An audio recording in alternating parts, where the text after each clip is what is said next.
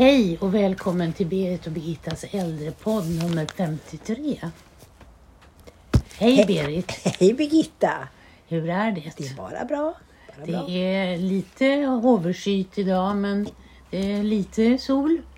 Lite kallare men det ska ju bli varmare. Ja, och nu har vi firat nationaldagen. Ja, hur gick det då? Jo, men det gick väl ganska bra. Det var tydligen väldigt mycket folk och många glada människor på alla möjliga orter i, i, i Sveriges Ja, långa land. ja. Eh, Och kungen höll sitt vanliga traditionella tal men hade en liten ovanligare avslutning. Jag vet inte om han var lite trött och förvirrad. Det kan man ju bli i hans ålder också. Så han önskade svenska folket glad midsommar. Ja, det var ju fint. Ja, så det var väl fint. Så han är förekommande kan man Ja. väl säga då. då. Så, ja. Han tänkte inte ha någon midsommartal nej, helt enkelt. nej, så kan det vara. Ja, Han, eh, det, så får vi hoppas att det var. ja precis. Att han inte trodde att han var i Arboga. Nej, det gjorde han inte. Han var på Skansen och det tror jag han visste. Ja. Ja, Då- där Han tänkte att det brukar vi väl sitta på midsommar också. ja, ja eller så, något sånt där. Ja, Vad det nu kan ha ja. varit. Ja. Hovet har ju redan försökt att förklara bort det hela. Men Ja. tidningen var ju snabb på honom. Ja. Idag får man inte göra något fel. Nej, och det vet vi ju med den här regeringskonstiga krisen vi har. Att ingen får göra fel utan alla ska göra rätt. Och Ja. ingen kan ångra sig. Nej, får vi se om hela regeringen avgår idag då. Ja, det är spännande. Jag vet inte när det är omröstning. Men Klockan 11. Klockan 11. Det har ju varit nu då. Ja, nu, ska Ja. Vi, nu start, borde vi veta det. Men Men kanske vi inte har någon statsminister. nej, så kan det vara. Mm. Ja. Eh, men, och det här är vår sista podd för i sommar. Det är det. Sen tar vi lite ledigt och återkommer i augusti. Mm. Eh, och det ska bli skönt. Ja, det ska bli skönt med lite sommar då. Mm, absolut. Idag tänkte vi prata om tre olika saker. Vi tänkte prata om, om ett larm, trygghetslarm. Och vi tänkte prata om eh, avvikelser. Och framförallt kring trygghetslarm men också kring avvikelser i sig. Och sen tänkte vi avsluta med visselblåsning. Precis. Men vi börjar med larmen. Eh, och det finns ju, alltså trygghetslarm är ju någonting som har funnits ganska länge. Det var väldigt, och det var väldigt, eh, väldigt revolutionerande när det kom. Och då var det väldigt begränsat eh, i vissa kommuner. Man var tvungen att ha ett biståndsbeslut och det, man, man kunde inte abonnera på larmen som man kan göra idag. Eh, och, för de var ganska begränsade i antal. Och oftast så var det då att hemtjänstpersonalen som var i tjänst svarade också för larmen. Mm. Eh, men det har ju utvecklats med den tekniska framgångarna som de har haft. Så att nu är det ju väldigt vanligt med eh, larm i alla olika lägen. Det finns trygghetslarm och det finns alla möjliga larm. Och eh, jag har tittat på ett privat larm som man kan abonnera på för 300 kronor i månaden ungefär. Där man även hade ett, inb ett inbyggt GPS och det var samtidigt anhöriga kunde svara för larmet. Och sen om de inte svarade så gick det till en senior larmcentral. Eh, Men det framgick inte riktigt var den satt någonstans. Men det var en stor reklamkampanj för det här då. då. Ja, jag, jag såg också den där kampanjen och jag, jag, först så tänkte jag så här att här lägger man ju ett jättestort ansvar på anhöriga. Anhöriga, ja. Eh, och jag läste om ett sånt exempel, för det var en dotter som fick ett larm om sin pappa när hon stod och checkade in på ett flyg. Och hon fick inte tag på sin, sina andra anhöriga utan hon fick avbryta sin resa och åka och leta efter pappan som ju då hade då ramlat under en veranda som han höll på att reparera. Så där låg han. Eh, men det ligger ju alltså ett väldigt stort Ja. ansvar därför att det är ju inte, någon, det är ju inte kopplat till hemtjänst. Nej. Och du kan inte koppla in dig till hemtjänsten. Nej. Utan du, precis som du säger, du kopplar det till en larmcentral och så avgör de om de ringer i sin tur, eh, larmar i sin tur brandkår eller ambulans eller någonting sånt. Då. Nej, för mig kändes det väldigt o... Ja, jag kände mig inte, skulle inte känna mig trygg om jag hade ett sånt larm eh, med tanke på att lägga det ansvaret på anhöriga. Utan jag vill, skulle nog hellre vilja koppla mig till en hemtjänstgrupp eller till en, en, kommun, en kommunal verksamhet. Mm. Man kan undra varför ett sånt larm kommer. Var, var, var det finns, det är klart att det finns anhöriga som, vill, som bor nära kanske och vill Mm, ha koll på vad som händer och kan gå ner och så. Men i övrigt så kan jag fundera över eh, vad, vem som efterfrågar det här larmet. Ja. Nej, jag förstår inte heller det. Och den här GPS-funktionen den kan man ju ha på en vanlig mobiltelefon. Ja. Så man kan följa sin, sin pappa eller mamma om den är ute och vandrar någonstans. Jag hittar min iPhone, är det så man... Nej, det finns till och med Hitta, alltså Ja. en, en, en app på, på, som är väldigt bra. Så man ser, kan följa precis var. Det har, det har ju föräldrar ofta till sina barn. Ja, ja. De kollar vad ungarna är. Men ungarna Ja. är ju smarta nog så de kopplar ju bort det. Så att, men det kanske man inte gör när man är gammal och Mm. Nej, lite nej. Det, är ju väldigt bra därför det är fortfarande inte tillåtet att sätta GPS på någon. Nej, men du kan ha din telefon ja. och då har du gått med på att Ja. Mm. ha den. Och då, Det är ju bara då du ska ha telefonen med dig. Och det brukar vara ett problem för de här lite förvirrade damerna som Mm. går ut med, ja, glömmer bort det. Precis som jag, jag har glömt min telefon idag men jag har inget GPS i den.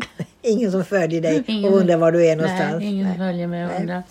Men de här andra larmen som kommunerna erbjuder, de går ju ofta, det är ju ofta så att kommunerna har köpt upp en, ett larm. Ett avtal, ja. eh, ett avtal med en larmcentral eh, och som i sin tur larmar ut till en larmpatrull i kommunen. Mm. Som om det är en hemtjänstgrupp eller om det är en, en specifik larmcentral. Det ser olika ut i olika kommuner. Då. Eh, och det här larmet är ju ofta också kopplat till nyckelhantering idag. Att man har nyckelfria lås. Vilket ju har varit på gång och avslutats och varit på gång och avslutats i många år. Därför att det har varit mycket krångel med de här låsen och det har varit krångel att få alla hyresvärdar att gå med på. Men det, på vissa ställen så funkar det. Eh, och då är det kopplat till samma larmcentral. Och vitsen med det här larmet som är kopplat till kommunerna är ju också att man, man larmar och så kollar man av att larmen faktiskt fungerar. I alla fall i, i de flesta fall. Man har någon sorts trygghetsringning eller vad man ska kalla det för. Ja, det är en backup. En backup ja. Och sen så kollar man med olika perioder, kanske en gång i månaden, att larmet verkligen fungerar. Eh, Och det tror jag inte att det här privata larmbolaget gör. Utan Nej, de, den har jag ingen aning Nej, om. det, jag tror inte det står så. Utan Nej. de, det fick man nog eh, fixa själv.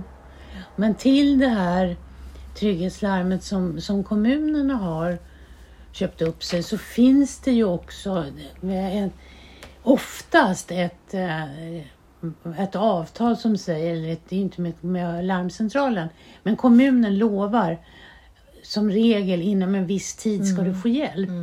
Om, oavsett om du bor på ett ordinärt boende så får du hjälp, lite, tar lite längre tid. Bor du på ett särskilt boende så får- du hjälp lite snabbare. Men det kan ju ta 25 minuter eller 45 minuter innan du får en insats och det måste man ju vara beredd på. För det är ju, det, man måste ju åka och avsluta det man håller på med. Ja, men är det så att det är väldigt akut så, så brukar ju larmcentralen i sin tur larma ambulans. ja absolut. Så att eh, det, det är ju, jag tycker att det verkar vara en mera trygghet att ha det kopplat till en, en organisation än vad det är att köpa ett privat larm till mamma eller pappa och eh, sen... Nej, jag tror att man ska liksom satsa på det här med kommunala...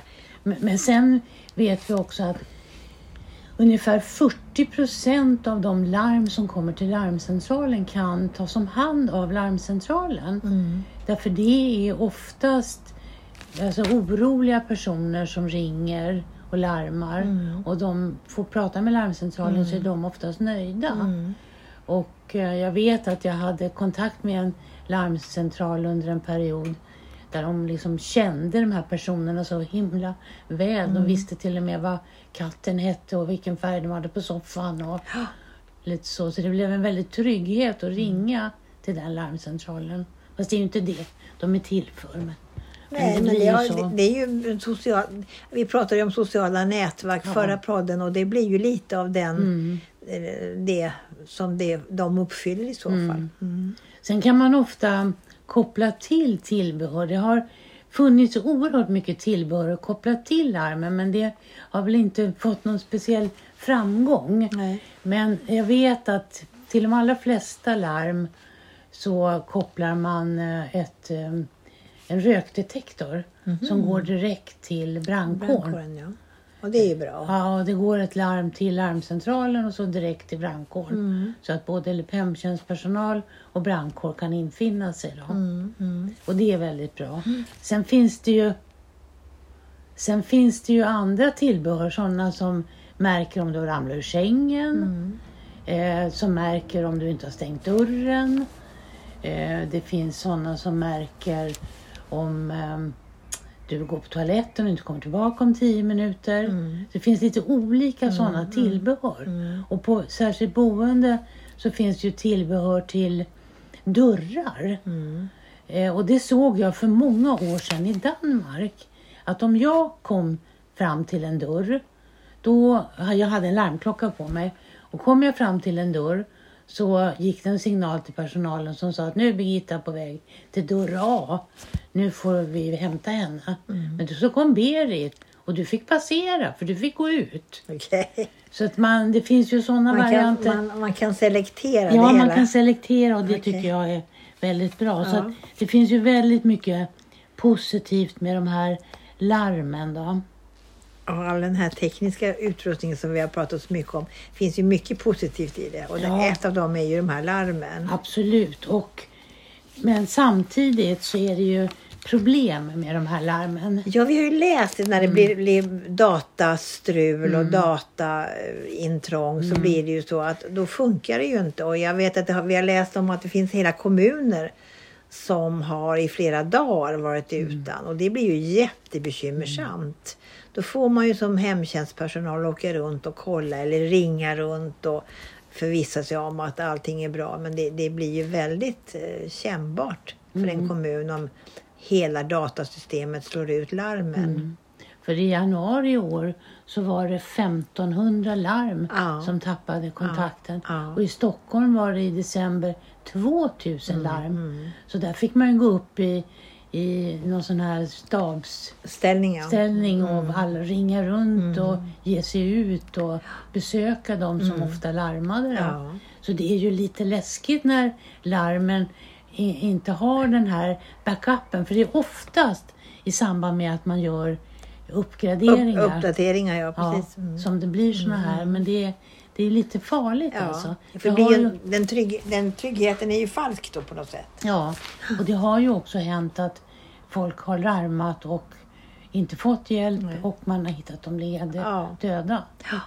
Eh, Och det är ju oerhört sorgligt. Ja, det är förfärligt.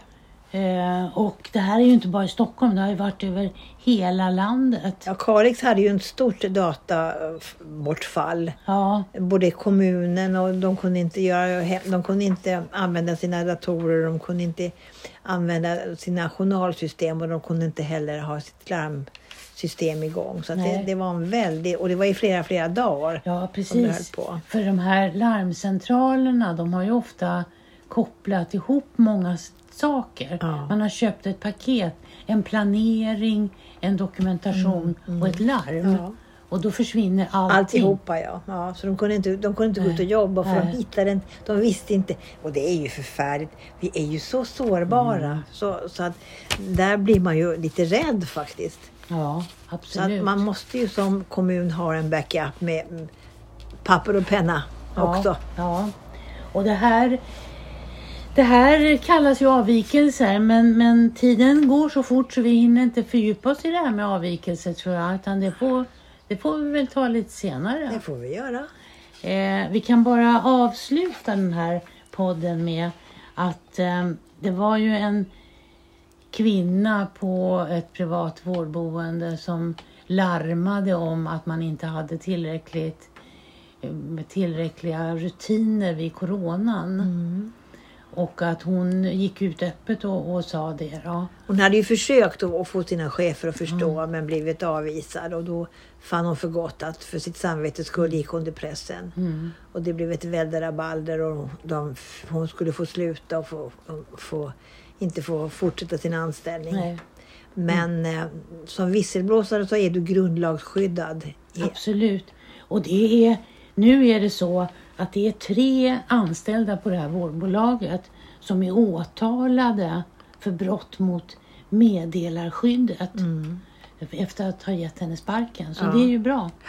Det. Och det ska man veta Mm. som chef att man har inte rätt att sätta munkavle på någon. Nej. Alla har rätt att och Sen kan man ha en policy i kommunen där man kanske vill gå ut till pressen fr- från något speciellt håll. Mm. Men som enskild medarbetare har du alltid rätt att Mm. Meddela dig utåt med pressen. Ja, och, och jag har väldigt svårt att förstå att en chef som får veta att det finns missförhållanden väljer att hålla tyst och inte ta hand om dem. Ja, det är en väldigt Det- märklig ja, inställning. Mycket märklig inställning. Och, och det, det skrämmer en Mm. ganska mycket att man inte har det samvetet att man faktiskt gör sitt bästa på jobbet Ja. och, och istället underlätta för de här som, som berättar om missförhållanden. Mm. För ofta så mörkar ju även personalen för de tycker att det är obehagligt att, skvallra Ja, eller obehagligt ja. att föra fram klagomål. Ja. Men jag tycker man ska vara glad över att man får Absolut. veta vad det är som inte funkar på en verksamhet. Ja, det ska man vara väldigt glad över.